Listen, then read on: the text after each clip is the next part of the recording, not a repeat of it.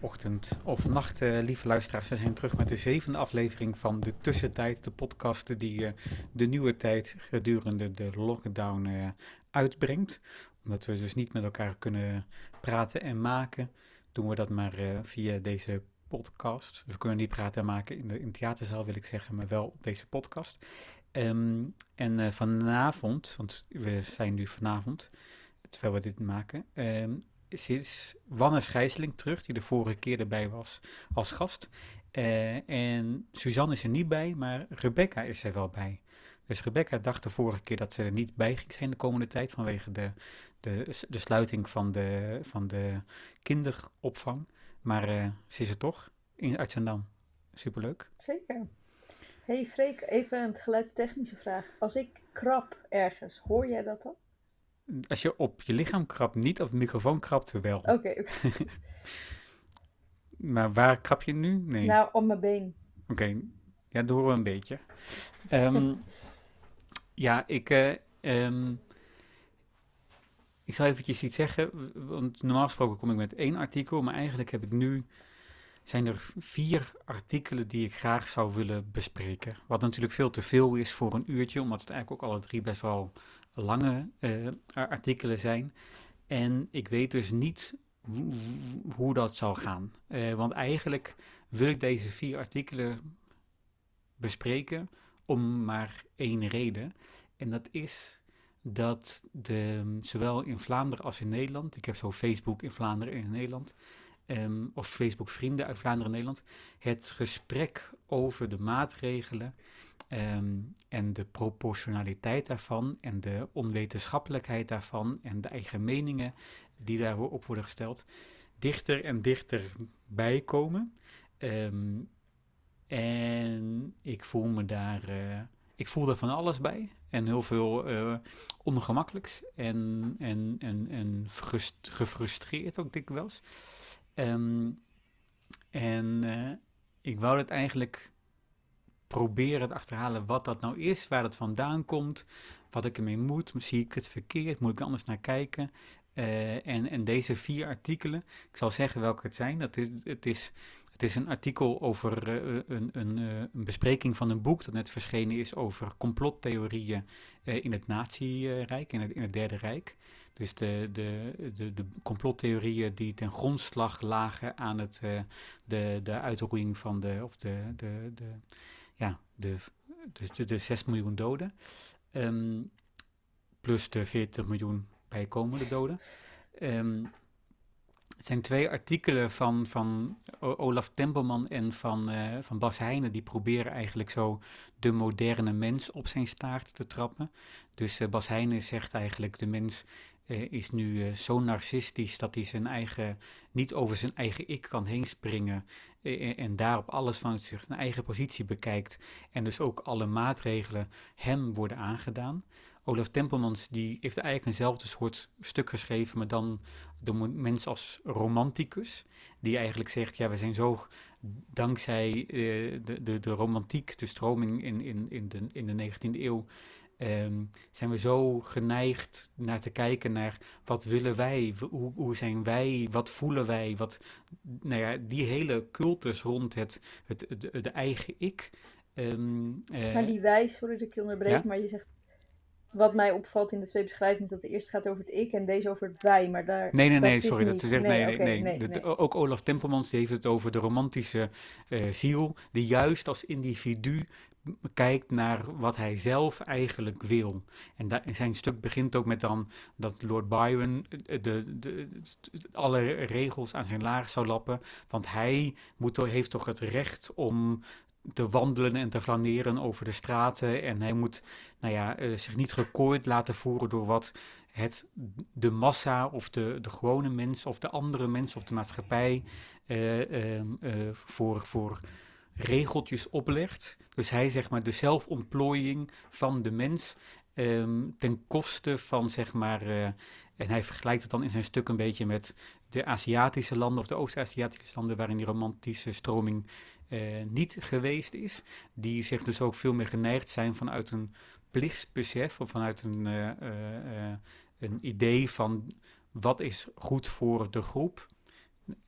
Dat is zijn analyse. Hè. Dat is misschien her en der wat kort door de bocht of zo, maar dat is, vond ik wel interessant om over te spreken. Um, uh, die zich te houden aan regels, terwijl hier de, de, de, de, mensen denken: oh nee, ik heb toch, mijn bucketlist komt in gevaar als deze pandemie nog lang doorgaat. Um, dat is een beetje zijn, uh, zijn insteek. En, en tenslotte was er een, een column van uh, Julie Kafmeijer, um, waarin zij eigenlijk vanuit die, uh, eigenlijk vanuit die zeg maar romantische slash narcistische wereldbeeld laat ik het zo zeggen. Ik zeg niet dat zij dan narcistisch of romantisch is, maar wel doordezemd is met dat wereldbeeld waar deze twee mensen over spreken.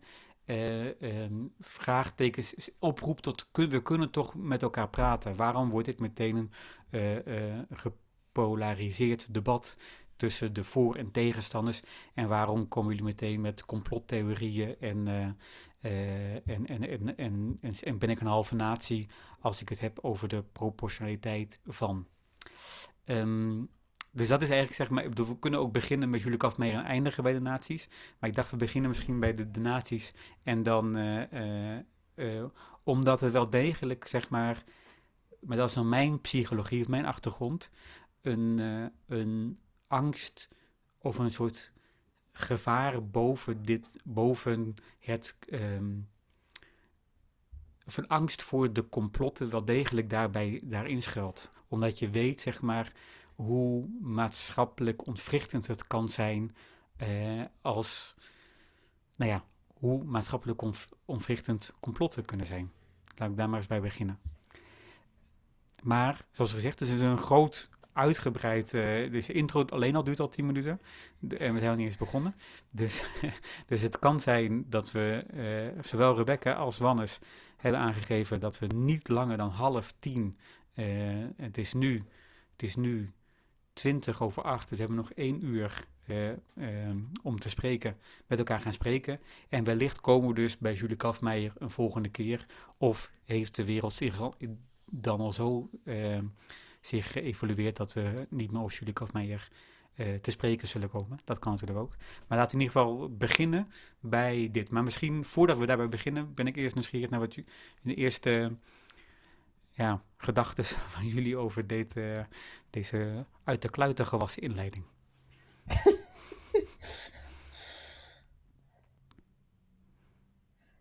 ik um, had niet heel veel gedachten, of ja, wel, wel gedachten, maar, maar meer, uh, ik heb het gehoord wat je hebt gezegd. En ik, ik dacht aan dat ik onlangs een was het This American Life? Een aflevering van This American Life heb geluisterd over um, dat een dude in Duitsland, die dus gespecialiseerd is in het interbellum, um, ineens toen hij zo die um, kapitoolbestorming zag en de, de, de verhalen die, uh, of de complotten of het, het, narratief dat, dat voorafging aan die bestorming, en dat hij ineens heel erg moest denken aan de dolkstootlegende. En dat dus. Um, uh, dat de dolkstootlegende. Ik wist dat helemaal. Ik had dat altijd. Dat was al zo'n soort kopje. Wat, wat was bij geschiedenis. Maar ik had nooit begrepen dat de dolkstootlegende jarenlang. Dus dit, hij vergeleek de dolkstootlegende met het. They stole the election. En dat. dat uh, eigenlijk heeft Duitsland dus uh, het, of zeg maar een bepaald gedeelte van Duitsland nadat de Eerste Wereldoorlog was verloren, dat um, heel erg. God, ja, ik ben me nu zo bewust van die tijd, maar goed. Uh, uh, laten wij de tijd nemen en dan worden het misschien wel drie ja, okay, afleveringen, okay, of het worden vier afleveringen. Ik vind het uh, te belangrijk um, om nu gehaast te zijn. Nou, dat, ik vond dat dus onwaarschijnlijk dat, dat, of ik had zelf die link nooit gelegd, maar dat dus stelselmatig en jarenlang, wat dat met Duitsland heeft gedaan, dat dus het idee dat de Joden en de socialisten ervoor gezorgd hebben dat Amerika, of uh, Amerika, god, zie je, zo gaat het dan dus, uh, Duitsland de oorlog heeft verloren. Wat gewoon, waar volgens ja. die, die, de, de Eerste Wereldoorlog, volgens die Duitsers, die dus, zeg maar, het was voor iedereen duidelijk, dat was gewoon een verloren race, het was klaar. En toch is dat dan dus met, met, met gewoon blijven framen en zeg maar dat verhaal naar je toe trekken. nou ja, volgens die man, die, die dus dat tot zijn vakgebied heeft, was de, is daar. Hij zegt het is zo gevaarlijk wat er nu aan het gebeuren is. En dat Trump wel of niet impeached wordt. Of nou ja, hij zegt dat we moeten opletten wat er met dit, met dit narratief. Uh, hoe, hoe omvangrijk of hoe, hoe, um, uh, hoe, hoe, hoe, hoeveel het nog gereproduceerd gaat worden en op welke manier. Omdat het hem gewoon inderdaad het ontwrichtende van zo'n Nou, in, in, dat, in dat eerste artikel komt deze legende ook aan bod, dus we zullen daar nog verder over, over spreken. Oh, ja. Maar het is wel net, het is eigenlijk, het, ook daar gaat het over, hè, waar haal je de, je kennis vandaan? En uh, het lijkt erop of je zeg maar, ik zag vandaag op Facebook iemand die dan uh, um, echt zei van jongens, dus tegen de virusontkenners of de virusbagatelliseerders, stoppen mee, want ik heb een vriend verloren eraan. En dat vond ik natuurlijk een, een is gevaarlijk, want jullie, jullie bagatelliseren is wat gewoon levensverwoest. En dat vond ik natuurlijk ook een, een, een, dat, deed me iets. Maar tegelijkertijd is het ook wel weer. Dus, een ken, dus dat, zijn kennis komt ook vanuit een anekdote, vanuit zijn persoonlijke ervaring. Dus ofwel zeg maar, heb je dus een, leidt erop dat je zeg maar persoonlijke ervaring, kennis hebt, de anekdotiek van je eigen leven, wat je met je eigen ogen gezien hebt. Ofwel moet je zeg maar je verhouden tot de feiten die je vindt, krijgt aangereikt of zo. Hè? En dan kan je dus, en gaat het dus om, vind geloof je dan de feiten, van wie geloof je de feiten of zo. En ik kon me in één keer niet meer voorstellen, was er niet ooit nog een soort derde plek waar je je, je, je kennis vandaan haalde of zo? Um, door, ik denk natuurlijk aan je ouders. Als je ouders zeiden van zo zit de wereld in elkaar, dan geloofde je dat of zo. Maar uh, een, een, een, priester of een, of een, of een, een, een, een boek. Dat is een vraag. Die een vraag, ja. ja zeg maar hoe. Dat, dat schuilt er natuurlijk onder, zeg maar, dit hele, hele, het, het, het hele um, hoe kijk je naar de wereld? Hoe haal je, waar haal je je kennis vandaan? Waar haal je je, je, je beeld over de wereld vandaan? Kan je dat, eh, zeg maar, naast uit je persoonlijk leven ook nog en uit de wetenschap? Is er nog, nog een plek waar we, eh, of zijn dat de, de, de twee dingen? Wannes. Wannes. Wat ik interessant vind, Freek, is dat je de volgorde maakt. Uh, eerst zoeken we kennis op en dan doen we dingen in lijn van die kennis die we hebben opgedaan. Wat je vaak ziet, en nu heel vaak ziet, is dat er eerst het gedrag is en dan het zoeken van kennis die dat gedrag of die basishouding uh, legitimeren. Dus de vraag of, of, het, of het zit in, in waar halen we de kennis. Ik weet niet of dat dat de. Het is misschien kip en ei mm hoor, maar. maar mm nou, ik denk dat het wel wezenlijk is om jezelf af te vragen. Ik heb, als ik, als ik boos ben of zo, of geïrriteerd over de maatregelen. Ik heb dat de laatste tijd wel zo een paar keer. Het, het, um, een van de dingen is dan bijvoorbeeld, het was dit weekend schaatsweer. Dus iedereen ging schaatsen en mijn familie kwam dan bij mij in de buurt. En dan ben ik geïrriteerd over de maatregelen omdat ze niet binnen mogen komen. En dan ga ik denk, zeg maar, dan gaat het heel snel. Dan denk ik, ja, ik ken echt niemand met, weet je wel. Dus, dus volgens mij is dat een soort, is, is dat mechanisme wel iets, ja, waarom zeg ik dit? Is dat, um, tenminste, ik merk dat bij mezelf ook, dat ik zo'n dus alibi zoek. En, en, en dan dacht, pas er niet een wetenschapper? Ik chargeer, maar dat bedoelt, ga, ja, dat is in een fietstocht van drie minuten. Zeg maar. Zo, zo begint cognitieve dissonantie, denk ik. Ja, ja, ja, exact, Dat is het, het woord waar ik al het meest vaak aan heb moeten denken. Dat is wat, wat, ik, wat je ziet gebeuren en tegelijkertijd de grote vrees die je dan hebt, is dat je zelf cognitief dissonant ja, ja, daar, daar, zit ik mee natuurlijk ook. Hè. waar haal ik dan mijn feiten vandaan en zo? En bedoel, en dan... En en tegelijkertijd zit er natuurlijk ook nog iets. Maar we lopen vooruit op het hele gesprek. Laten we, laten we uh, uiteindelijk komen we waarschijnlijk ook bij de coronamaatregelen en, uh, en, en dat soort, hoe we daarmee om te gaan en hoe met alle mensen, alle meningen om te gaan. Maar laten we misschien dan toch beginnen met zeg maar uh, de Godwin, de, de, de, het, het grootste en het ergste. Um, over dus de complottheorieën in, in, in, in, in Nazi-Duitsland. En, um, en daarmee geef ik natuurlijk ook al meteen aan hoe het bij mij naar zit dat ik dat complottheorieën en nazisme sterk aan elkaar. Uh, de angst voor complottheorieën in ieder geval sterk met het, mijn angst voor de nazi's in verband breng. Het is een stuk van Joost de Vries. Hij bespreekt in De Groene een, een boek, een nieuw boek van Richard J. Evans. En het boek heet Het Nazisme en Complottheorieën. En zijn titel heet De Innerlijke Waarheid. Waarbij innerlijke waarheid tussen uh, aanhalingstekens staat. Kraakhelder legt historicus Richard J. Evans uit hoe in Hitlers Duitsland complotten tot stand kwamen en hoe ze wind onder de vleugels kregen. De parallel met fake news ligt voor de hand. Naar alle waarschijnlijkheid heeft Hitler de bekendste, meest virulent antisemitische complottheorie uit zijn tijd nooit gelezen. Hitler bezat het pamflet over de protocollen van de wijze van Zion niet, maar wel talloze andere boeken die ernaar verwezen, zoals The International Jew, het geschrift van de autofabrikant Henry Ford. Hij hoefde de protocollen ook niet gelezen te hebben. Onder het extreemrechtse publiek in Duitsland van de jaren 20 kende iedereen hun boodschap. In 1897 zou een club uh, Joodse, Joodse leiders in Basel bij elkaar zijn gekomen om samen te spannen om de christelijke wereldorde omver te werpen.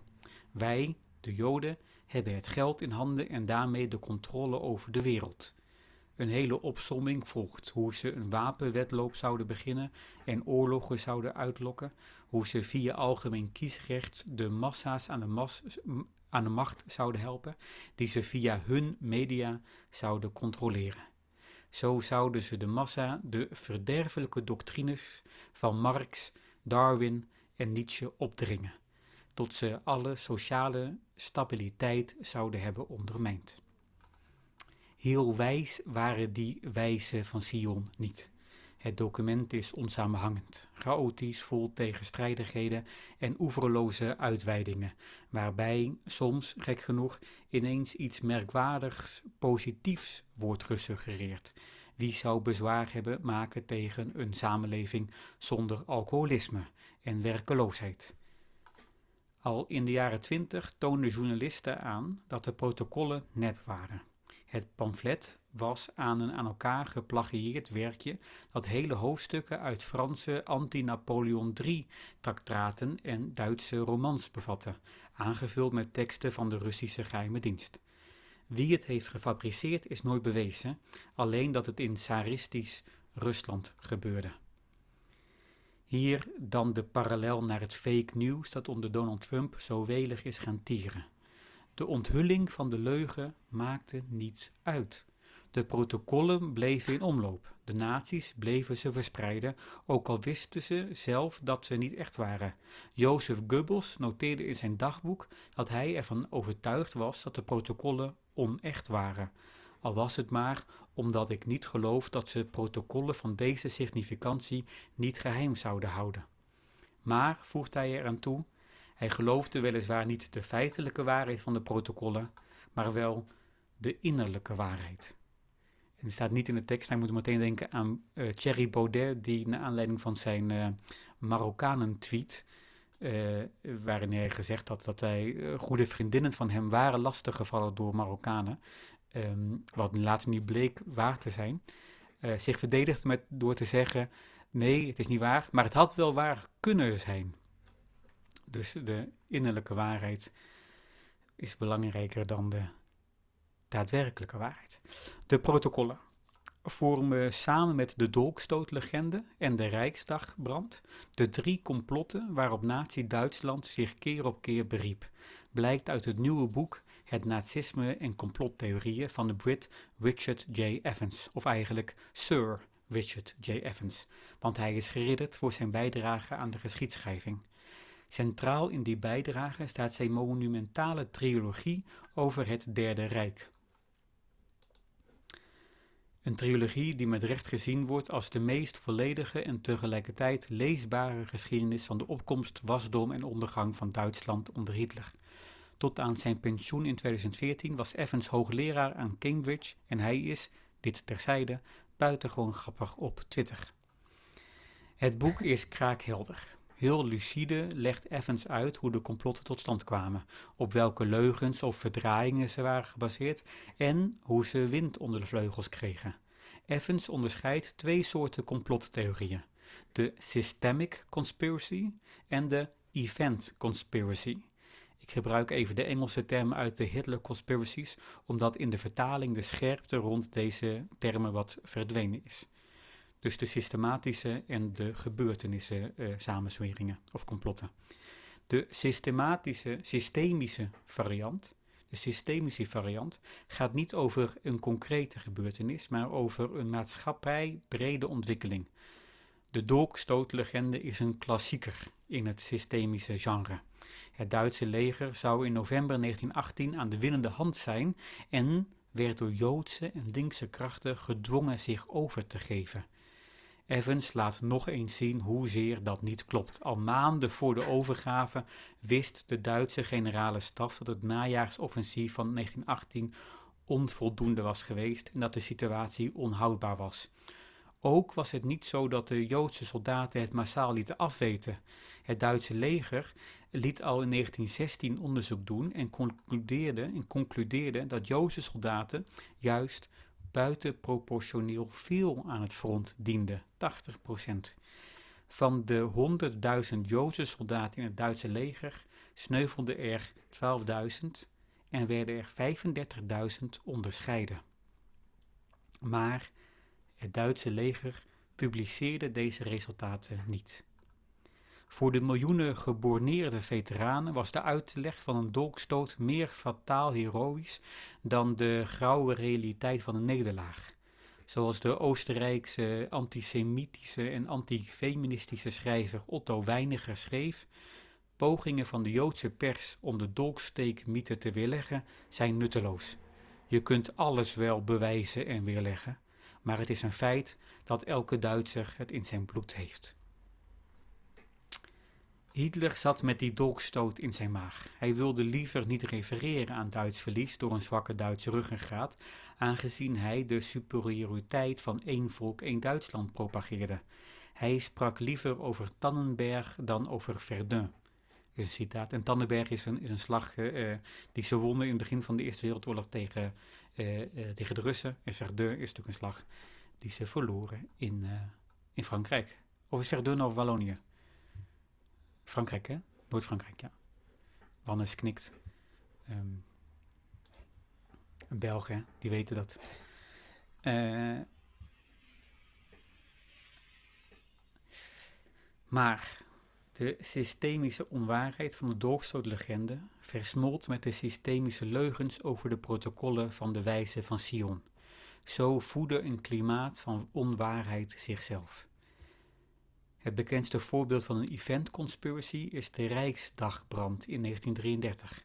Vier weken na de installatie van Hitler als bondskanselier werd de 24-jarige Nederlander Marinus van der Lubbe, zonder shirt, dat was verbrand, met benzineflessen aangetroffen midden in het parlementsgebouw. Zijn lot was een snelle ter dood veroordeling. Willem Elschot dicht hierover: Jongen, met je wankelhoofd aan den bul vooruit beloofd, toen je daar je lot verbeide, stond ik wenend aan je zijde. Terwijl Hitler de brand aangreep om de noodtoestand uit te roepen en de democratie buitenspel te zetten. De Rijksdagbrand geldt vaak als een schoolvoorbeeld van een false flag operatie waarbij de overheid een aanval anseneert om om in de daaropvolgende chaos wetten te omzeilen, zoals ook vaak over 9-11 is gesuggereerd. Evans laat zien dat de key bono-vraag, die bij elk complot gesteld moet worden, dus wie heeft hier baat bij, key bono, ehm, die bij elk complot gesteld moet worden, vertekend kan werken. Want ja, de nazi's profiteerden van de situatie, maar dat betekent nog niet dat ze daarom voorkennis hadden. Het laat ook zien dat complotdenken niet aan rechts voorbehouden is, want toen Duitse historici na de oorlog tot de conclusie kwamen dat von der Lubbe inderdaad de brand had aangestoken, Evans zet het bewijs achter elkaar, het is overweldigend, werden ze door linkse publicisten als halve of hele neonazies weggehoond. Post-truth is pre-fascisme, stelde historicus Timothy Snyder begin januari in de New York Times. Die one-liner onderschrijft Evans met dit historische boek, dat vaak één op één optrekt met onze actualiteit. De meest hardnekkige leugens kunnen uitgroeien tot niets minder dan de oorsprongmythe van een land. Tot daar uh, het artikel.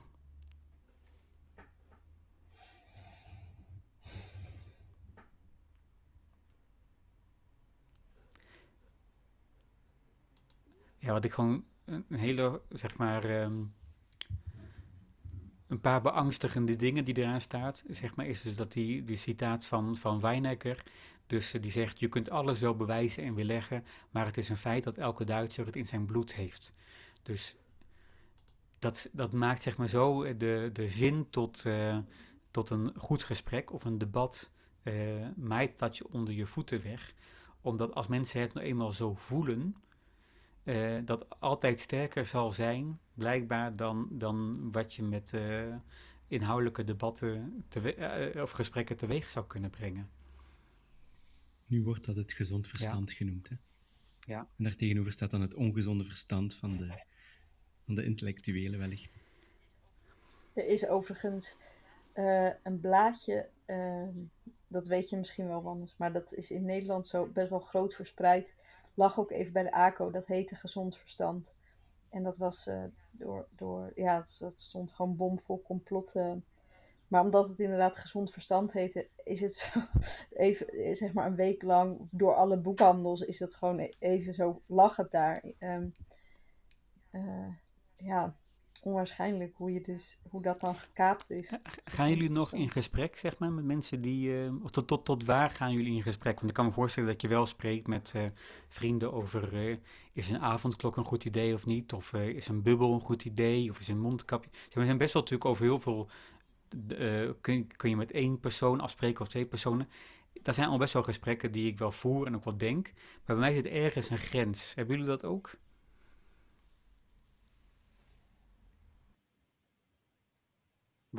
Um, ja, ik wist niet waarover dit gesprek precies ging gaan, maar het is alsof ik in een soort nachtmerrie zit en dit maakt er deel van uit. Oh nee. dat ik zelfs over de nachtmerrie van daarnet uh, nu ga nadenken. Goed, misschien kan ik mij uit de nachtmerrie denken. Nee, ik ben de laatste dagen bijna fulltime aan het proberen in gesprek gaan met mensen op Facebook die ik niet ken. Um, zit ik fulltime dingen te factchecken die mij eigenlijk niet interesseren, maar, maar die, ik, die ik ook niet durf laten daar gewoon staan, want die blijven zelden ook beantwoord.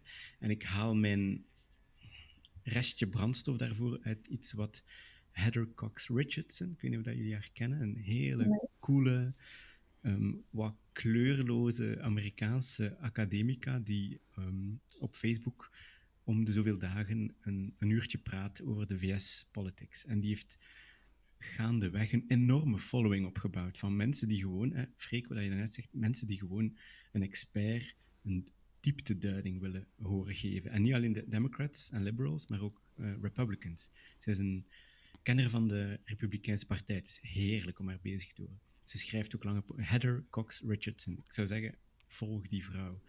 Um, ze heeft altijd ook wat technische problemen in het begin. Het is, het is heel aandoenlijk, maar ze is zeer goed. Wat zij zegt is, um, wat we moeten doen ook nu, als antwoord op alt-right, het is een ander verhaal, maar ik vind toch, er zijn parallellen, is uh, we have to take up oxygen. Uh, we, moeten, uh, we moeten zuurstof opnemen in het debat. Wat zij al heel lang doen. Het gaat nu heel specifiek over alt-right, maar ik zie het toch ook gebeuren um, bij de, laten we zeggen, uh, antivaxers, maar ook gewoon de, de sceptici, zij nemen veel plaats. En, en ik vind het een beetje mijn plicht, burgerplicht echt, om, om ook plaats in te, in te nemen. -hmm. Maar tegelijkertijd zat ik nu ook net in een ander gesprek van iemand. Je hebt, je, hebt, je hebt het gewoel en dan heb je ook altijd mensen die boven het gewoel willen uitstijgen. Maar dat Mhm. heeft ook iets zeer. Ik, dat ergert mij tegelijkertijd ook altijd, omdat dat iets, eh, iets ik weet het niet, aanmatigends heeft. Van, ik kan het wel. Ik kan, ik, kan, ik kan rustig het slagveld overschouwen. Nu goed, eh, die, die, die bedoelt dat goed. Die, die stelt echt de vraag van hoe kunnen we, hoe kunnen we begrijpen, hoe kunnen we praten, kunnen we nog tot gesprek komen zonder dat de hoogopgeleiden zijn woorden eh, de waarheid eh, in, in, in, in de strot rammen of zoiets. Eh, wat mij dan ook wat ergert, omdat ja, ik voel mij op zich geen schreeuwer. Maar dus ik, ik ben mee aan het, aan het debatteren en wellicht op de, totaal op de verkeerde manier. En dit is allemaal even gewoon eh, om te begrijpen. Op Facebook ben je aan het praten. Is dat dan zeg maar in het gewoel en, en dat. En dan is er iemand die daarboven wil staan, dus die, die jou mee naar boven trekt. of haalt. Of Wel, die, die eigenlijk meta gaat en zegt van, ho, wacht eens, is dit de manier om te praten? oh ja, Met- ja, met de condities die van het ja, gesprek condities, probeert. ja. En, ja. en eigenlijk impliceert van, ehm, je moet, ja, het gaat niet over argumentatie, het gaat over empathie en begrip, wat ik dan een tikkeltje Mhm. paternaliserend vind, alsof je Mhm. het, het boze kind moet proberen begrijpen. Hè? ja. Ehm, maar goed, ehm, misschien hoort dat er ook bij. Ik ben in de war. Ja. Ik ben in de war. Ja, ja, maar Ja. ik vind dat wel. ehm, kijk, sowieso zijn natuurlijk zeg maar niet. eh, de, de, de, het hoogopgeleid versus het laagopgeleid houdt in deze geen enkele stand, omdat het eh, ehm, daar niet over gaat of zo. Hè? Ik bedoel, het zijn zeg maar. Er zijn heel veel hoogopgeleide mensen die, die even hard twijfelen of zeg maar sceptisch zijn. Misschien wel juist omdat ze hoogopgeleid zijn of zo. Hè? Die een soort kritisch vermogen hebben aangeleerd. ehm, waarbij ze dus bij alles vraagtekens kunnen zeggen en alles vanuit zichzelf kunnen redeneren en beredeneren. Eh, informatie opzoeken ook. Ik bedoel, ze investeren er ook veel aan of zo. Alleen dan gaat er zeg maar dus op spelregelniveau zoveel mis of zo. Als je, als buitenstaander, dat ik er dan ofwel nadat ik denk, ah ja, of ik moet hier nu echt over gaan spreken met die mensen. Dus ik moet dan echt dan ook met, met feiten aan gaan komen en mijn, mijn dag mee besteden. Eh, maar ik heb juist net vandaag de andere keuze gemaakt. Ik heb zeg maar iedereen, ik ben eh, eh, ons vriend op Facebook, die, eh, die de, klimaat, de, niet klimaatskeptische kant op gaan, wil ik zeggen, maar de, de, de corona-sceptische kant. Omdat ik zeg maar elke keer in mijn hoofd inderdaad zulke gesprekken ging doen, die ik dan niet op Facebook wou doen. Eh, terwijl ik twee dagen geleden zeg maar, een hele dag bezig ben- ben geweest met een tafel bouwen, waar ik echt compleet eh, gelukkig was in, in, de, in, de, in de kamer. Dus ik snap zeg maar dat je het, het nachtmerriegevoel, kies ik er dus vrij bewust voor om daar niet in mee te gaan. Maar ik, maar ik, snap, ik, ik, ik hoor ook wel je appel om dat uit een soort burgerplicht dan toch te doen. Of in ieder geval om niet om mensen te overtuigen, maar in ieder geval om te laten zeggen. eh, eh, eh, ik vind dit, waardoor er wellicht een, een, een evenrediger, een betere afspiegeling van de werkelijkheid op Facebook verschijnt. En omdat er zoveel mensen ook gewoon in stilte twijfelen. En Mhm. ergens ook tonen, je bent, ja, wat je zegt, hè, de representativiteit van het, eh, van het debat tonen. Van er, zijn, er zijn meerdere stemmen en er meerdere argumenten. En waarover ben je in de war, Wannes? Ik ben in de war over hoe je dat gesprek moet voeren. Eh, Ik ben in de war ook, maar dat is een interessante in de war. Ehm, als het gaat over cognitieve dis- eh, dissonantie en over wat zijn echt uw stakes in een debat. Wa- Mhm. waarom vind ik het zo belangrijk om de, laten we maar zeggen, officiële waarheid te helpen. En de officiële waarheid door wetenschap gedragen, door politiek in, in wetten eh, gegoten. Je kan daar dan nog onderscheid in maken. Maar waarom vind ik het zo belangrijk om, om die te verdedigen? Ehm, wat, wat zijn Mhm. mijn eigen stakes daarin? Eh, bijvoorbeeld. En dat weet je niet of... Daar of ben ik dat... over aan het nadenken. Ik heb, Ja, ik heb wel ja. vermoedens. ehm, dat heeft ook wellicht ook met temperament te maken. Eh, wellicht ook te maken met ja, dat ik in de wetenschap actief ben geweest en dus een beetje weet heb van de methode. Eh, maar ook, denk ik, omdat ik een kind heb. Ehm, en, en vanuit die positie als ouder ook toch echt anders kijk, denk ik. Ehm, ja, onder meer. Daar ben ik onder meer in de war over. Want wat maakt je positie als ouder ehm, eh, bepalend voor je, voor je positie in dit, deze toestand? Dat ik er meer bij te winnen heb dat Ja. mijn, mijn kind eh, zijn, haar grootouders nog zal kunnen zien. Eh, dat die grootouders het overleven. Ehm, ja, dat is nu heel simpel gezegd Ja, waar ja. het daar dan over gaat. Eh, en, en de hele omgekeerde lockdown zet, zet die achter, ehm, ja, zet, wil die vacuüm plaatsen. Hè? Maar dat, Ja. Ik, ik ben in, ook in de war, omdat ik zie dat veel mensen op links, zelfs binnen Hart boven Hart, ik weet niet of dat, dat in Nederland gekend is, zij proberen de, eh, de culturele en de zorgsector en de, de maatschappij opbouwende sectoren bijeen te brengen.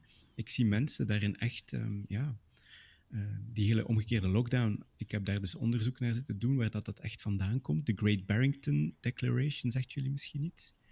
Dat is een soort oerverklaring, er is in oktober uitgebracht in Amerika door een Amerikaanse denktank, de American Institute for Economic Research. Als je dan gaat kijken wat voor denktank dat is, dat is een rechtslibertaire denktank met eh, gelden van de Kochs brother, Brothers eh, ge- ge- gesponsord. Ik weet niet of dat je, dat je die kent, maar die hebben, die hebben de, het, de grootste aantal miljarden eh, geïnvesteerd in climate change denial in de voorbije 30 jaar. Zij zijn eigenlijk echt objectief een van de grootste misdadigers die, die rondlopen. Die hebben heel veel op een, op een kerfstok. Dat zit in de hele Ayn Rand-sfeer van, van eh, solidariteit is, is eigenlijk voor, zwakkeren. En, en het hele idee dat je als individu, want je kan het ook positief framen, dat je als individu je verantwoordelijkheid moet nemen. Dat vind ik griezelig. Dat, dat eigenlijk echt rechtse ideeën door links omarmd worden, vaak gekoppeld aan een solidariteitsdiscours. We moeten solidair zijn. Echt vandaag nog iemand... Want ik, ik, wat ik wel doe, is het, ik probeer het soms weg te halen van het publieke. Om zo het hele ostentatieve en demonstratieve weg te halen. Dan, dan stuur ik gewoon een privébericht met de oprechte vraag, ik probeer te begrijpen. En dan, ja, dan, dan hoor je, ja, er is mensen, ik begrijp, dan, dan zegt die persoon, ik begrijp niet dat, dat niemand het grote, bredere plaatje ziet en de mentale gezondheid en armoede en inderdaad allemaal terechte bekommernissen, maar wel met dan die omgekeerde rechtse Theorie. wat is de, de omgekeerde lockdown? Die ken ik nog niet zo goed. Dat is dat dan de, dat de zwakkeren moeten worden beschermd. Ja. Dus de kwetsbare groep moet worden opgesloten of uit de maatschappij worden gehaald. ja, afgegrendeld van mogelijke ja. besmettingsbronnen, zodat de maatschappij haar gang kan gaan en uiteindelijk een soort van groepsimmuniteit opgebouwd wordt. Wat een heel ethisch gezien een heel akelige idee is trouwens. Ja. Een, een herd immunity, daar ga je dan... Ik heb nog nooit zoveel dingen gelezen dan buiten mijn vakgebied, maar ja, je gaat dat dan toch doen. Maar je hebt voor herd immunity moet je 0,6% van de bevolking zal sterven. Dat is, dat is een objectief cijfer, hoe je dat dan ook doet. Ehm, en je, en, en zo'n, zo'n ehm, hoe heet dat, focused protection is soms een ander woord ervoor, is in de praktijk onhaalbaar. Dus eigenlijk zeg je, we- het is ook een, een, heel ingewikkelde tijd. We moeten op een rare manier lijden afwegen. Ehm, ik begrijp niet dat de, dat de ethici zo stil zijn. Het is, het is nog nooit zo... Het is een gat in de markt om, om dat... Om dat Nou ja, we hebben natuurlijk een pa- een paar ethici gehad. En dan, en dan eh, in, in, dus in, mijn- in Nederland tegen Malie Huijen, die op een gegeven moment, eh, we moeten het, het sterven aanvaarden. Het sterven hoort bij het ding of zo, bij, bij het leven. Ehm, maar tegelijkertijd, zeg maar, het is dat daadwerkelijk afwegen van, van, van lijden is natuurlijk heel... eh, dat is nog niet aan de hand of zo, zeg maar. Omdat je, omdat je niet nog de kennis hebt over, of de kennis had in ieder geval over het, over, het, het virus. En ik denk, zeg maar, hoe meer, hoe beter het zal gaan met het virus, hoe makkelijker die afweging ook worden of zo, hè. Maar met die onbekende, zoals net die, de, de groepsimmuniteit, waarin dan eerst op werd gestuurd, leek het in Nederland of zo, hè. Van we gaan het, de, in, in, in Nederland was zeg maar de politieke partij bijeen, die, die zich expliciet ehm, probeert op te komen voor de, voor de meest kwetsbare, niet gehoord in de samenleving, daar ook het, het sterkst tegen. tegen die, die vond het echt misdadig, want die kent gewoon die mensen die met een zwakkere gezondheid, die dan opgeofferd zouden worden, eh, omdat wij dan zeg maar eh, naar het café kunnen gaan en zo. En ik, wil, ik ook niet zeggen dat het is niet alleen het café gaan, hè, want er is natuurlijk ook echt daadwerkelijk heel veel leed dat veroorzaakt wordt door de lockdown of zo. Hè? Ik bedoel, dat is natuurlijk ook niet te bagatelliseren. Ehm, maar juist daarom lijkt het me zo dat je, dat je net moet proberen in ieder geval over eh, te kijken hoe je erover nou ja, er op een juiste manier naar te kijken inderdaad. En niet vanuit enkel je eigen, eigen verlangens of gevoelens of zo. Maar, jij Beck, heb jij mensen, zeg maar, hoe, hoe ga jij ermee om? Of is het gewoon, uh, of, of, of is het alleen enkel in je familie dit gesprek en probeer je niet naar de online wereld te trekken? Nee, maar dat komt omdat ik, en dat is misschien ook wel een, een vraag of zo die ik nu heb. Ik merk gewoon, ik heb wel natuurlijk op Facebook, zo zie ik die wall en dan, dan heb ik jouw post bijvoorbeeld gelezen, Wannes, en was ik, heel, was ik daar heel blij mee met wat je schreef. Dus dat was wel, zeg maar, het heeft in die zin wel. Uh, um, ik, ik raakte een beetje in een bepaalde feed de, heel ongerust. En dat ik dacht, wat gebeurt er? En toen was het een beetje alsof ik. Um, wat, vond ik het, nou het gaat over de representativiteit van het debat, was ik blij je post te lezen en tegelijkertijd door die template van Facebook en de omkadering van al die reclame, dat vind ik sowieso al een soort geweld of zo, waardoor ik, waardoor ik um, op een of andere manier verlang naar een andere context om puur om het bijna te visualiseren of zo, omdat het zo dan dat, dat je dan die antwoorden in die antwoorden worden geschoven en zo. Dus ik, ik, um, ik heb dan die linkjes apart bewaard en die wil ik dan in stilte gaan lezen en zo. Um, ja, en los daarvan heb ik wel met mijn familie inderdaad moeten we de hele tijd onderhandelen over of we ons aan de maatregelen gaan houden. En ben ik wel een uitzondering met dat ik me aan de maatregelen hou. Uh, dus dat is best wel vervelend, omdat Um, ik moet die ruimte elke keer opnieuw. Um, ja, moet dat elke keer opnieuw uitleggen eigenlijk. Wat misschien ook wel gewoon niet zegt of zo. Um, maar ja, is, is uh, als je zegt van dit is, ik zie dit best wel als mijn burgerplicht. En dat je het dan inderdaad van het publieke weghoudt. Als jij een soort droomscenario mocht. Ja, bedoel, even los van dat het een nachtmerrie is. Maar zeg maar, een droomscenario voor deze nachtmerrie. Uh, om dit gesprek te voeren, wat, wat, wat zou dat dan zijn? Zeg maar, wat zou de context zijn waarbinnen je dit, denk je, uh, beter? Ja, beter is misschien niet het woord, maar uh, waarin dit kan. Je bedoelt als context niet Facebook. Facebook is een voorbeeld van een context, bedoel je dat? Ja, ja. Of nou, ik, ik projecteer dit nu op jou omdat ik, ik last heb van um, de context. Omdat, puur gewoon omdat, ik, omdat het niet, uh, niet rustig is en er heel veel dingen door elkaar en zo. En, als, uh, en ik maak een beetje op uit jou, um, uh, wat je zegt, dat het, dat het, um, dat je het ook niet als de ideale context ziet. Maar misschien is dat projectie. Ja, een, een betere context is, is live, maar dat, dat is nu net die ene context die, we niet, die we niet kunnen, die we niet vinden. Hè. Um, het, het, ik moet ook opmerken, ik, ik, ik discussieer eigenlijk alleen met mensen op een paar uitzonderingen na die ik niet ken. Die ik oh, niet ja. ken. Ja. En, ik, en we komen elkaar... Het is alsof ik in een soort van akelige, nachtmerrieachtige stad dwaal, waarvan ik het plan niet helemaal begrijp en ik pots altijd op dezelfde vervelende... Nee, niet vervelende. Um, mensen die, die, die, die tegen mij beginnen te praten op een manier dat ik denk, wacht, ik moet, ik moet daar iets tegen zeggen. Dus ik, ik, kom men, ik begin mensen die ik niet ken te kennen. Als, ah ja, ah, dat is die persoon die altijd dat zegt en, en dan altijd die link post, telkens als iemand dat zou zeggen. Ja, ja. Um, nee. En wat, wat, is, wat is de nachtmerrie eraan? De nachtmerrie is, is, is dat je niet zeker bent of je met een. Want, want eigenlijk, we begeven ons allemaal, laat ons eerlijk zijn, buiten onze expertisezone. Nie, niemand van die mensen is epidemioloog of, of uh, vaccinoloog of noem het maar wat. Ja, ja. Uh, iedereen, is iedereen is eigenlijk amateur enzovoort, viroloog. Uh, de nachtmerrie is dus dat je het vermoeden zou kunnen hebben dat je met een soort van uh, negatieve dubbelganger aan het, aan het praten bent. In een soort van tango zonder einde.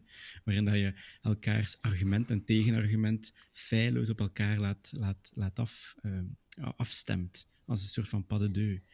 Eh, dus dat, dat, het, dat, dat nog de ander, nog ik, ehm, grond onder de voeten heeft. Ehm, Ja. Dus de nachtmerrie is, is ja, ehm, de nachtmerrie toch ook van, van het, het met handen en voeten uitleggen. Ik denk ook de nachtmerrie die je hebt als, je, als er vrienden van jou plotseling in een soort secte zitten en, en dat je echt niet meer doordringt. Hoe gaat het met zeg maar, mensen die je wel kent, zeg maar dan? daar is het gesprek, daar heb je wel een, een footing. Hè? Daar, kan je, daar kan je toch al vanuit vriendschap of, of gedeelde ervaring zeggen van oei, ik ben nu toch bezorgd enzovoort. Dat, dat gaat beter dan voor jou. Voor mij, ik vind het zeg maar, praten met mensen die ik dan ken of uit de verte ken, dat durf ik gewoon eigenlijk echt niet meer. Dan, denk- dan vind ik dat zo, eh, komt dat zo dichtbij, zeg maar. Maar voor jou is het anders. Maar ja, nee. ik- ehm, ja, ik, ik, ik maak daar geen onderscheid. Ik, enkel ja, de toon kan je, kan je net iets...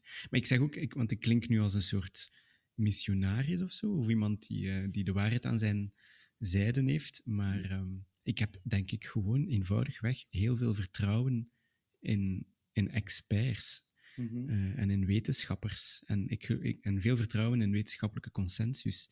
Dus als, als er mensen schreeuwen dat de wetenschap dat daar twijfel is, dan denk ik, ja, klimaat, inderdaad. Daar is die, daar is die, die fringe.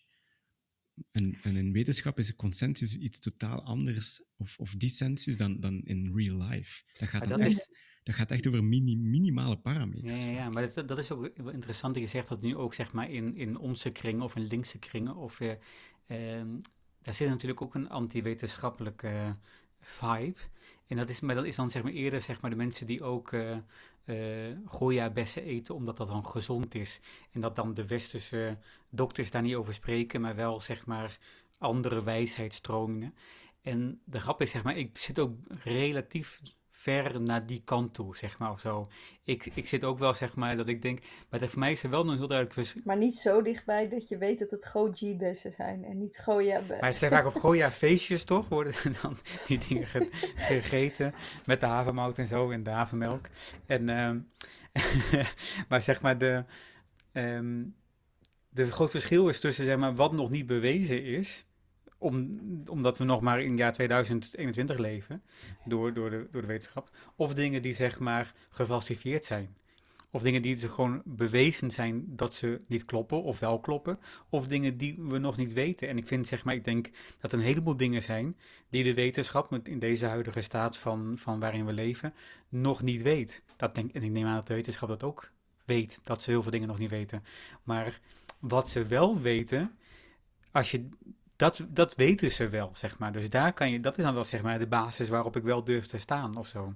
Dus als er daar dan dingen worden gezegd, of ja, of met de huidige, eh, wat we kunnen weten is ongeveer dit, dan denk ik, nou ja, dan moeten we dat dan maar doen of zo. Ik snap ook niet, zeg maar, dat mensen niet willen laten vaccineren. Ik denk ook de hele tijd, of omdat ze niet geëxperimenteerd willen worden met hen. Maar ik denk van, huh, ik- je steekt wel een, een mars in je mond of zo, zeg maar. Hoezo, wa- hoezo durf je dat dan wel aan? Of zeg maar, je, je loopt aan een, een autostraat Of je stapt in een auto, Ja, of er zit zeg maar zoveel onveilig in om ons heen of zo, waar we dan accepteren, omdat we dan, omdat we willen leven, omdat we om ons heen willen kijken. En dan zou zeg maar iets wat dan nog relatief het meest bewezen veilig is, of in ieder geval, wat be- eh, nog niet bewezen is dat het eh, ehm, niet, eh, niet schadelijk is, zeg maar. Doordat is dan, wat je van heel veel dingen in de wereld niet kunt zeggen, maar van vaccins dan net weer wel. Daar is dan vrij uitgebreid onderzoek naar gedaan. Daar is dan zo, daar, daar wordt dan niet, daar, is, daar is dan een angst voor. Heb je het gevoel dat, eh Wannes, dat ehm, de... dat er een gesprek is geweest waarin of jij of de ander zei, oh ja, zo had ik het nog niet bekeken? Ja, dat gebeurt gelukkig wel. Ehm, ik, ik eigenlijk ook hoor, want ik, ehm, ik merk ook dat het mijn, mijn, laten we maar zeggen, instinctieve, onuitgesproken idee over de wereld, dat dat, dat behoorlijk onder druk komt te staan als, ik, als je te hard in die rabbit holes meeglijdt. Eh, al, al doe ik het met een soort van veiligheidsharnas aan, dat ik afdaal, maar dan nog kom je daar anders uit. Ehm, maar nee, ehm, vandaag nog, ehm, toen iemand een post deelde waarin hij de volledige media eh, als onbetrouwbaar afschilderde. Dat ik, en ik merk dat, dat een, een voorzichtige toon altijd helpt. Dat het Oh, ja. totaal, ja. Dat ik gewoon zei, ik denk, denk niet dat het een goed idee is als we, eerste persoon meervoud, ook altijd goed. Retoriek is niet onbelangrijk hoor. Je, je, Freek, jouw voorbeeld van daarnet van Stefan van Brabant, hè, die zei ik heb iemand verloren, dat was natuurlijk ook een retorische move van Stefan. Hè, omdat Ja, geleefde ja. kennis nu eenmaal een groter statuut heeft in deze emo-tijden, dan, dan, dan ja, gewoon ik weet nu eenmaal dat uit een artikel dat ik heb gelezen. Dat, dat, Heeft hij geen dode vriend? jawel, jawel, jawel, maar ik bedoel, het feit dat hij het zo scherp inzet, Ja, ja, ja. ja, is een retorische move, omdat hij weet dat geleefde kennis... Zeker. Ik bedoel, het, het is ook in deze tijd is inderdaad een eerste persoons ervaring nog blijkbaar het sterkte. Zo, hè? Ik bedoel, het is, ik, ik heb het gezien, ik was erbij, dus is het ook waar. Hè? Dus daarom is ook steeds zeg maar die uitnodiging van, eh goh, kom eens een dagje meelopen op de IC-afdeling of zo. Hè? Ik bedoel, dat is uiteindelijk ook Exact, ja. Nog steeds. Ehm, we zijn eh, nu eh, op zich 50 minuten bezig. We kunnen zeggen, we hebben één artikel besproken, het is zwaar. Of we kunnen ook nog, eh, ik dacht voor Bas Heijnen, het narcisme. Of willen we meteen naar, ehm, ehm, naar, naar Julie Kafmeijer? Ik zit even te denken. Ik heb niet het gevoel dat we nu kunnen afronden. eh, For some reason. Maar Dan, dan, zul- dan wil ik liever eigenlijk met Bas Heijnen dan eh, met eh, Julie Kafmeijer eh, doorgaan. Maar mijn, Ja? een, ander, een, een, een alternatief zou zijn ehm, dat we dus. Ja, ik weet niet waarom ik het gevoel heb dat we niet kunnen afronden. Dat, omdat ik mm, het gevoel heb dat, we nog, dat ik nog niet precies weet waar we Mhm. naartoe aan het praten zijn of zo. Of wel, Ehm, maar ik weet niet of we daar een ander artikel voor nodig hebben. Want ik. ehm, of wat, het, wat het, het gevoel wat mij nu bekruipt tijdens deze 50 minuten is dat er blijkbaar dus bij jullie allebei ehm, het gevoel hebben, er is iets fundamenteels aan de hand. Of het gevoel. Eh, ja, dat bedoel ik niet. Maar, maar zitten nu op dit moment in een situatie waarin zich dat manifesteert. En eh, ik, ik dacht meteen bijvoorbeeld aan de verkiezingen in Nederland. En ehm, we kunnen ook het artikel van Bas Heijnen lezen, maar ik heb het idee dat we hier nog niet helemaal mee klaar zijn. Maar ik wil het ook graag aan jullie vragen, wat, wat jullie denken dat er nu moet gebeuren in de dramaturgie van deze tussentijd. Eh eh, Wannes? Ja, ik, ik deel Rebecca haar gevoel ook wel. Ik heb het gevoel dat we nog wel ergens, ergens kunnen naartoe springen, zo gewoon op eigen kracht. Z- zonder, eh, zonder Bas Heijnen. Oké, dus Misschien kan je me af en toe citeren. Ehm, wat, wat, ehm, wat moet er gebeuren, denk je, om ehm Wannes en Freek? Jullie, jullie hebben eigenlijk het, hetzelfde, zitten in hetzelfde, maar hebben daar andere consequenties aan verbonden. Freek, jij hebt, eh, jij bent de tafel aan het maken. Wannes, jij, eh, you are staying with the trouble. Ehm, wat, eh, wa- hoe nu verder? Of misschien niet verder? Even hier blijven of zo? Of, Nou, als je zegt, als Ehm. je het zo de vraag concreet stelt, zeg maar van, oh, eh, ik maak ik me zorgen. Ik maak me op grote schaal, zeg maar, over dit coronavirus en, en, en, en, de, en de angsten daar rond geen zorgen, zeg maar. Net zoals het ook toen hier de rellen in Nederland uitbraken, ik ook dacht, ja, er zijn gewoon best wel wat mensen die houden van rellen. En als er een, als er een feestje is waarop ze kunnen rellen, dan gaan die rellen, zeg maar of zo. Dat is niks fundamenteels wat langdurig blijft plakken of zo. En er zal, zeg maar, eh, ergens tussen april of eh, eh, november zijn we hier vanaf, hè, zeg maar zo. Ik bedoel, die, die vaccins die komen aan en dat is dan vier weken later. Zijn de be- besmettingen minder erg, zijn de IC's leeg. Ehm, dus er is sowieso, zeg maar, vrij in de nabijheid een, een, een uitweg uit, eh, dit, eh, uit deze staat van zijn. En dan zullen we, zeg maar, weer hierop eh, terug gaan kijken of zo.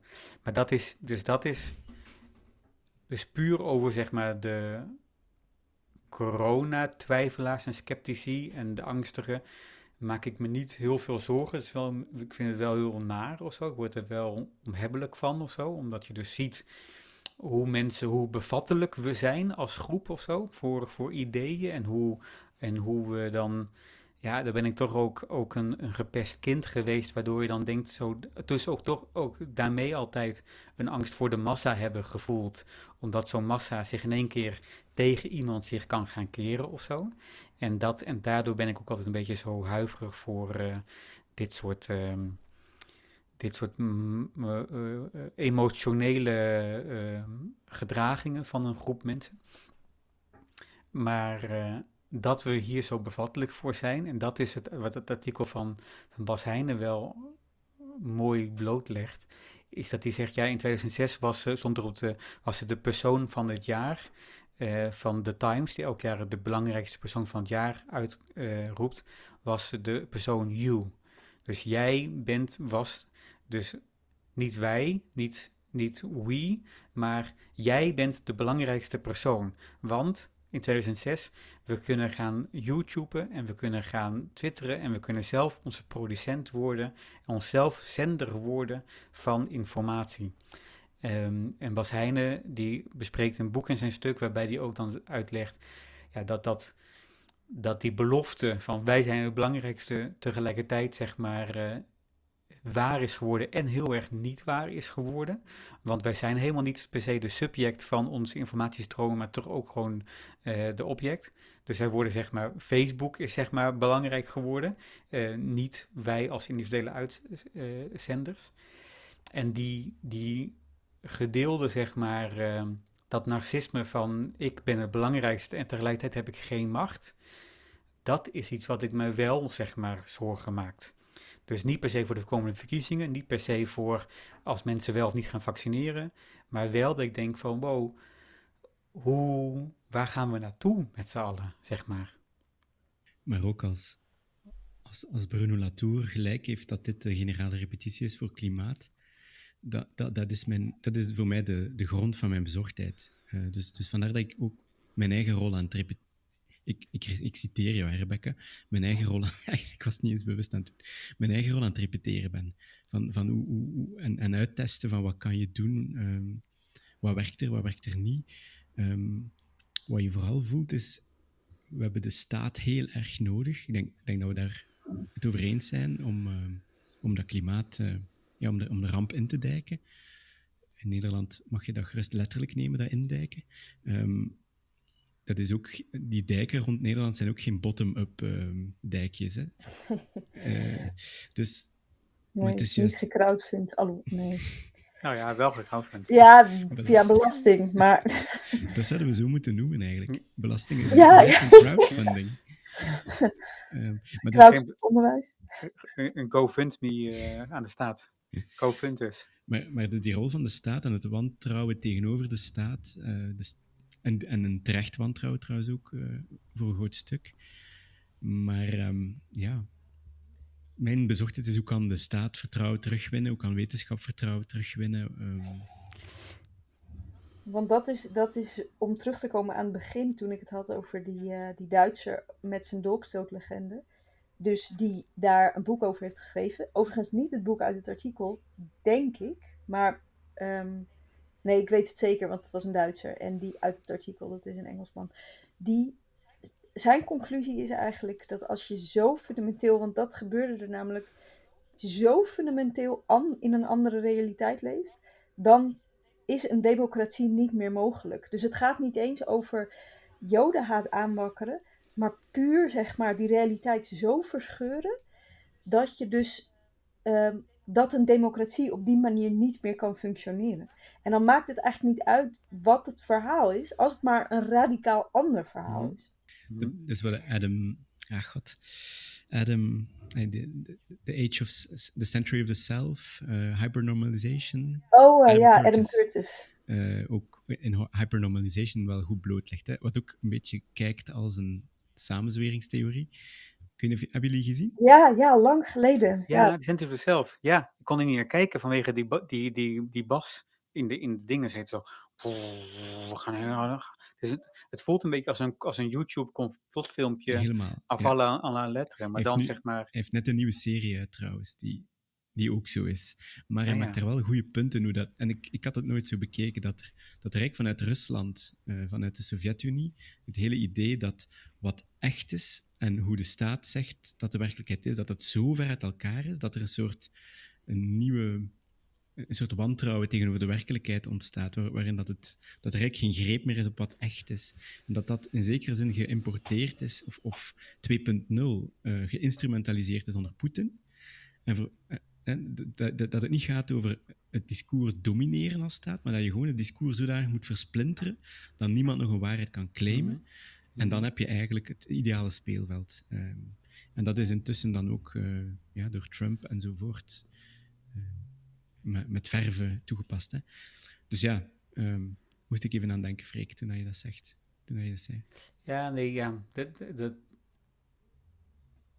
ja, ik moest, moest in mijn hoofd denken aan de, aan de postmodernisten die zeg maar, eh, volgens wie, eh, eh, De postmodernisten, Freek. Speci specifieer jezelf.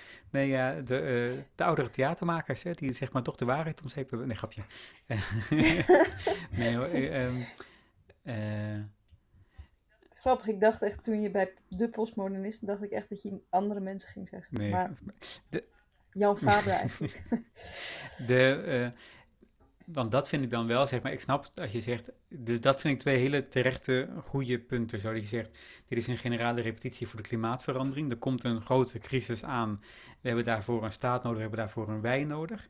Eh, eh, hoe gaan we dan met elkaar kunnen praten? Hoe kunnen we elkaar dan vertrouwen ook, zeg maar, en op elkaar bouwen? Ehm, eh, dat is een heel belangrijk punt. En het andere belangrijk punt is inderdaad, als je je hebt om een democratie te hebben, moet je een, strijd hebben van ideeën, maar niet een strijd van eh, wel binnen één speelveld, min of meer. En natuurlijk is dat, zeg maar, dat is dan de link met de postmodernisme, die zeggen, ja, de, de, de wereld bestaat niet. Iedereen heeft ook zijn eigen zicht op het speelveld en de speelvelden bestaan niet helemaal. Maar daarbinnenin zit toch nog wel een soort, zeg maar, je moet elkaar wel... eh, zijn er wel piketpaaltjes waarbinnen je met elkaar dan van mening kunt verschillen over eh, de waarheid. Zo, hè? Ik bedoel, ah, Ja, precies, maar dat is natuurlijk het hele punt. Dat, dat als die Ja, er niet meer ja. zijn, of zo, als, als rood niet meer rood is. Maar hier, ik, ik eh, weet niet of jullie de, wel eens de podcast luisteren, How to Save a Planet.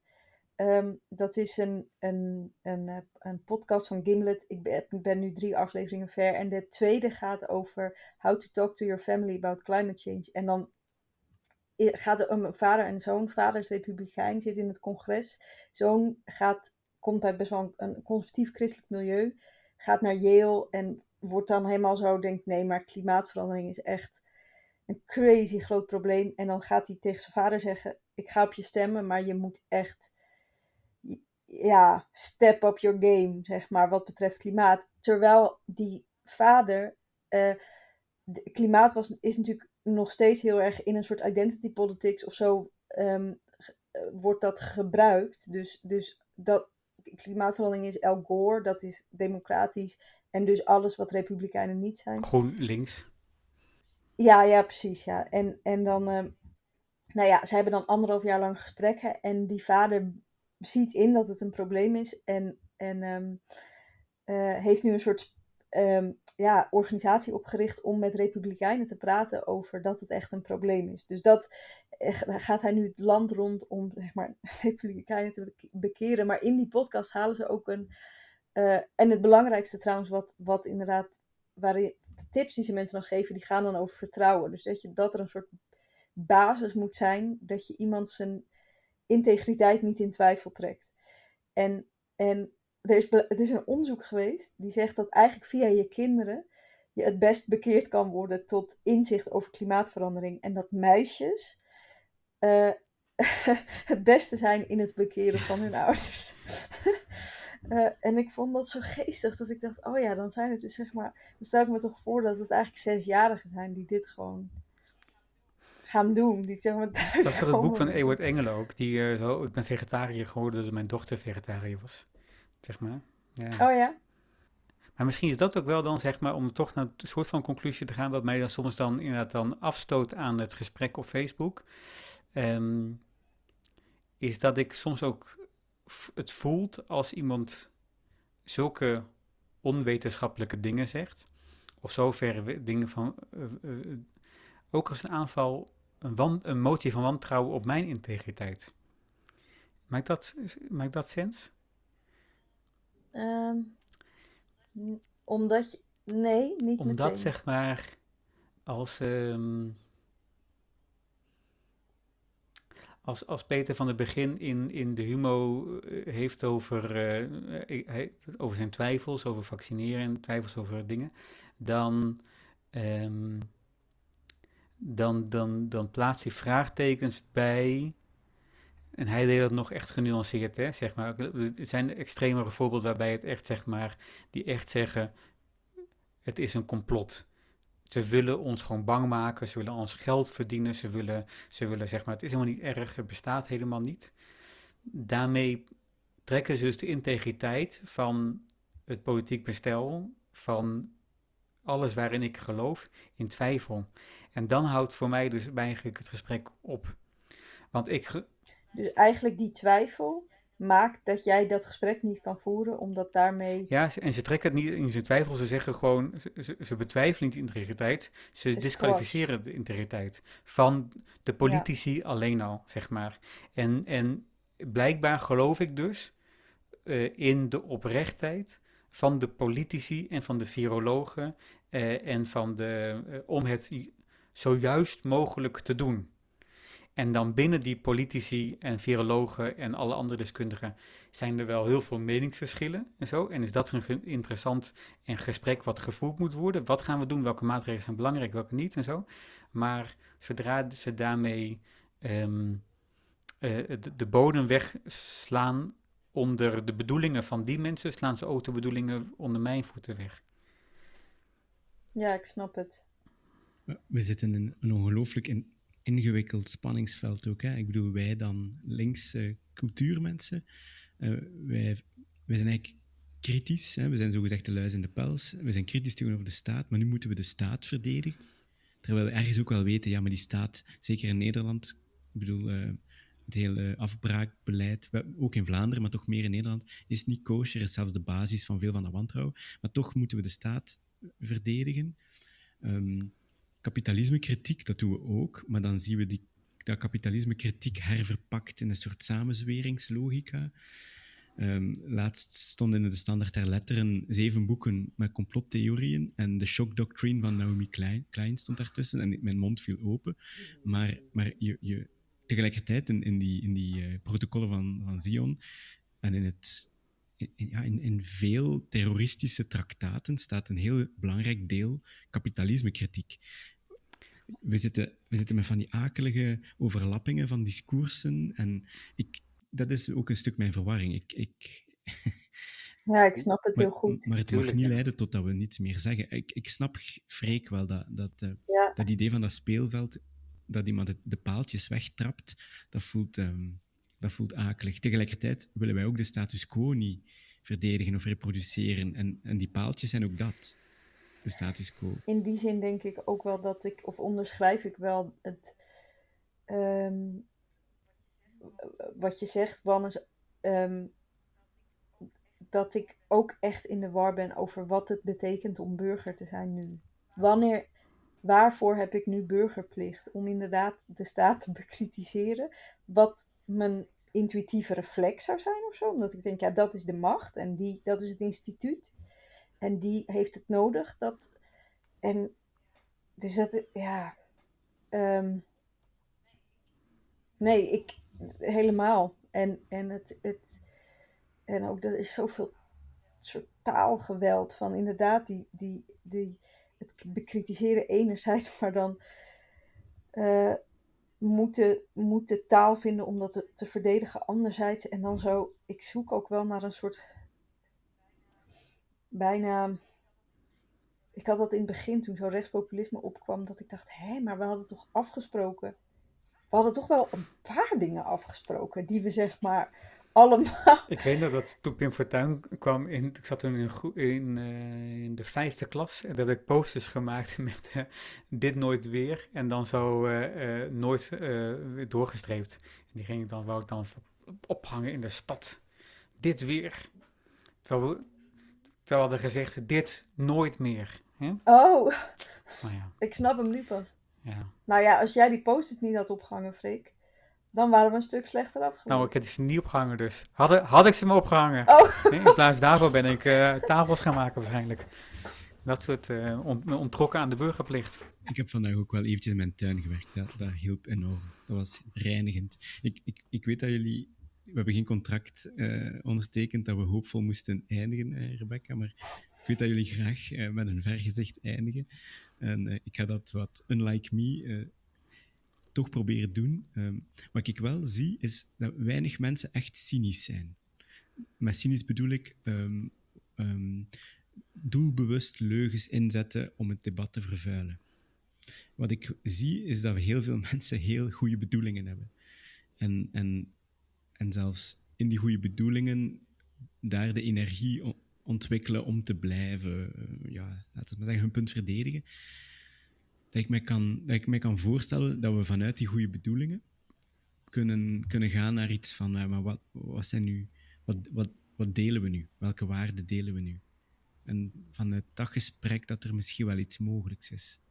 Vanuit de goede bedoelingen. Um, is dat heel naïef van mij? Nee, helemaal niet. Nee, nee. Ik, ik zit gewoon te denken of ik dit nou... Want ik ging daar een beetje vanuit, of zo wel al. Zonder dat ik de hele tijd op Facebook zit. Maar, maar ik weet niet of ik dat. Um, ik heb wel meer nodig, denk ik. Om, om hoopvol te maar, maar dat. Maar dat um, ik, ik vind dit, uh, zeg maar, misschien wel een goed compromis qua hoopvol einde. Hmm. Nou ja, dus er is net in die zin, zeg maar, is er net een groot verschil tussen twijfelaars en, uh, en cynici of zo. En, uh, en zolang er twijfel is, is er ruimte om met elkaar te spreken. En zolang er ruimte is met elkaar te spreken, is er een democratie. En zolang er een democratie is, is er geen uh, vernietigingskamp. Dus in die zin uh, eindigen we, eindigen we hoopvol. Ja, en wat, wat ik toch ook zie is, ik weet niet of jullie al over de Great Reset hebben gehoord. Dat is, ja. de, dat is de, de new complot theory in town. nee?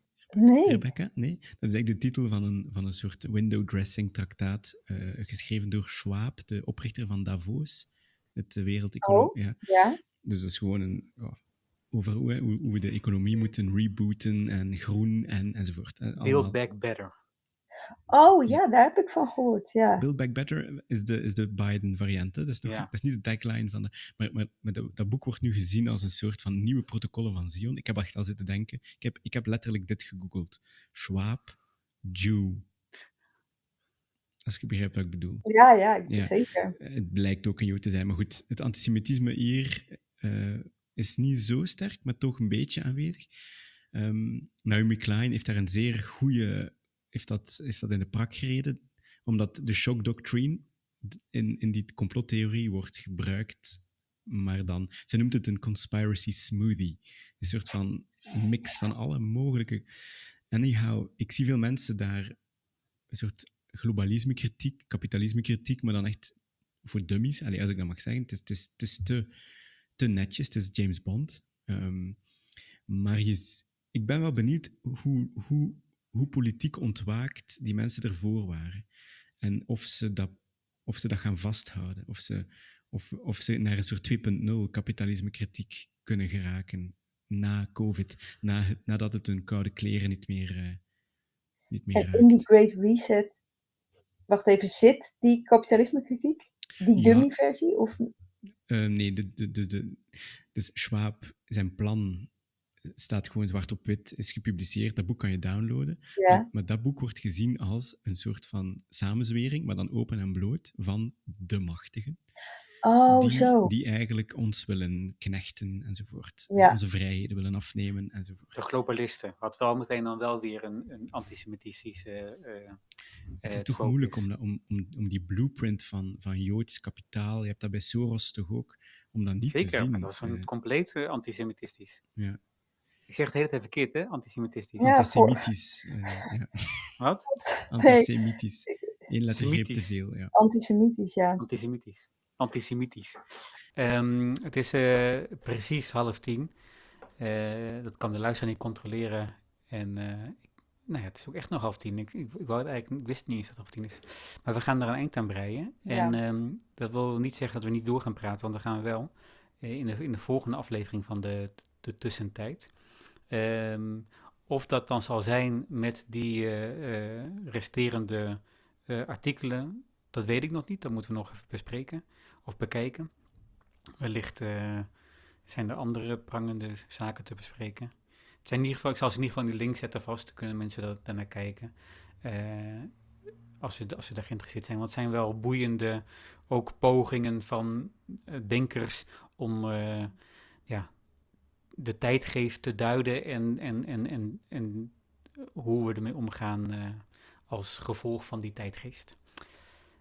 Zijn er nog dingen die nog eh, gedringend gezegd moeten worden, op tafel moeten worden gebracht? Rebecca de Wit. Nee, Nee? nee. Ben je de volgende keer er weer bij? Ik denk het wel. Ik heb, ehm, ik wil bij deze ook wel eh, graag de laatste aflevering van This American Life aanraden. Die gaat over complottheorieën. Het is een rerun uit 2019. Bizar, bizar verhaal, toch? Die, En- jongen, die vader die, eh, die, die, die in de bar zit naast een eh complottheorie is. Ja, ja. Nou ja, je moet er maar luisteren. Ik Ja. heb jou dat verteld, hè, Freek? Of zeg je dit omdat je hem al gehoord hebt? Nee, ik heb niet geluisterd. Nee, precies. van nee. de anekdote die je vertelde. Ja. over gewoon het geweld toch ook wat gepaard gaat met complotdenken. En ik had het tot voor kort altijd gezien als iemand ja, toch een beetje met een clownspak aan op straat. Dat je denkt, oh, je hebt, je hebt de memo net niet helemaal gekregen. Dat het gewoon een beetje een raar pak is. Dus ik, ik bedoel, dat ik nu met terugwerkende kracht denk ik, god ja, het is zo, het is niet marginaal en het is gewelddadig eh, op een bepaalde manier. Ehm, maar je luister die aflevering om dat te begrijpen. Ja. De groetjes. Wannes, Nee, laatste heb, woord? Nee? nee, nee ik, heb, ik heb al veel gepraat, vind ik. Oké, oké. Nou dan, lieve luisteraar, eh, fijn dat je erbij was. Eh, dit, eh, dit is de langste podcast tot nu toe. Het zal wel meer dan een uur zijn. Maar, Ik hoop wel dat je nog iets gaat schrappen, Freek. Want ik luister nog zelf nooit podcasts van een uur. Nee, Nou. maar ik denk niet dat ik ga schrappen. Ik, vond het, ik, ik, ik, eh, ik denk juist dat we nog door moeten praten. Maar eh, niet nu. Dankjewel, lieve luisteraars. En eh, like en share en zo. Eh, eh, ik zeg het omdat mensen op podcast dat zeggen. Dat, is- dat is mijn disclaimer als ik het zeg. Maar ik weet zelf ook niet. Ik, ik heb nog nooit zelf een podcast geshared of geliked. Dus, maar mensen doen het blijkbaar. En het helpt de branche verder. En daar doen we het allemaal voor. De branche. Slaap lekker iedereen. Of prettige dag als je dit ochtends luistert. Dag.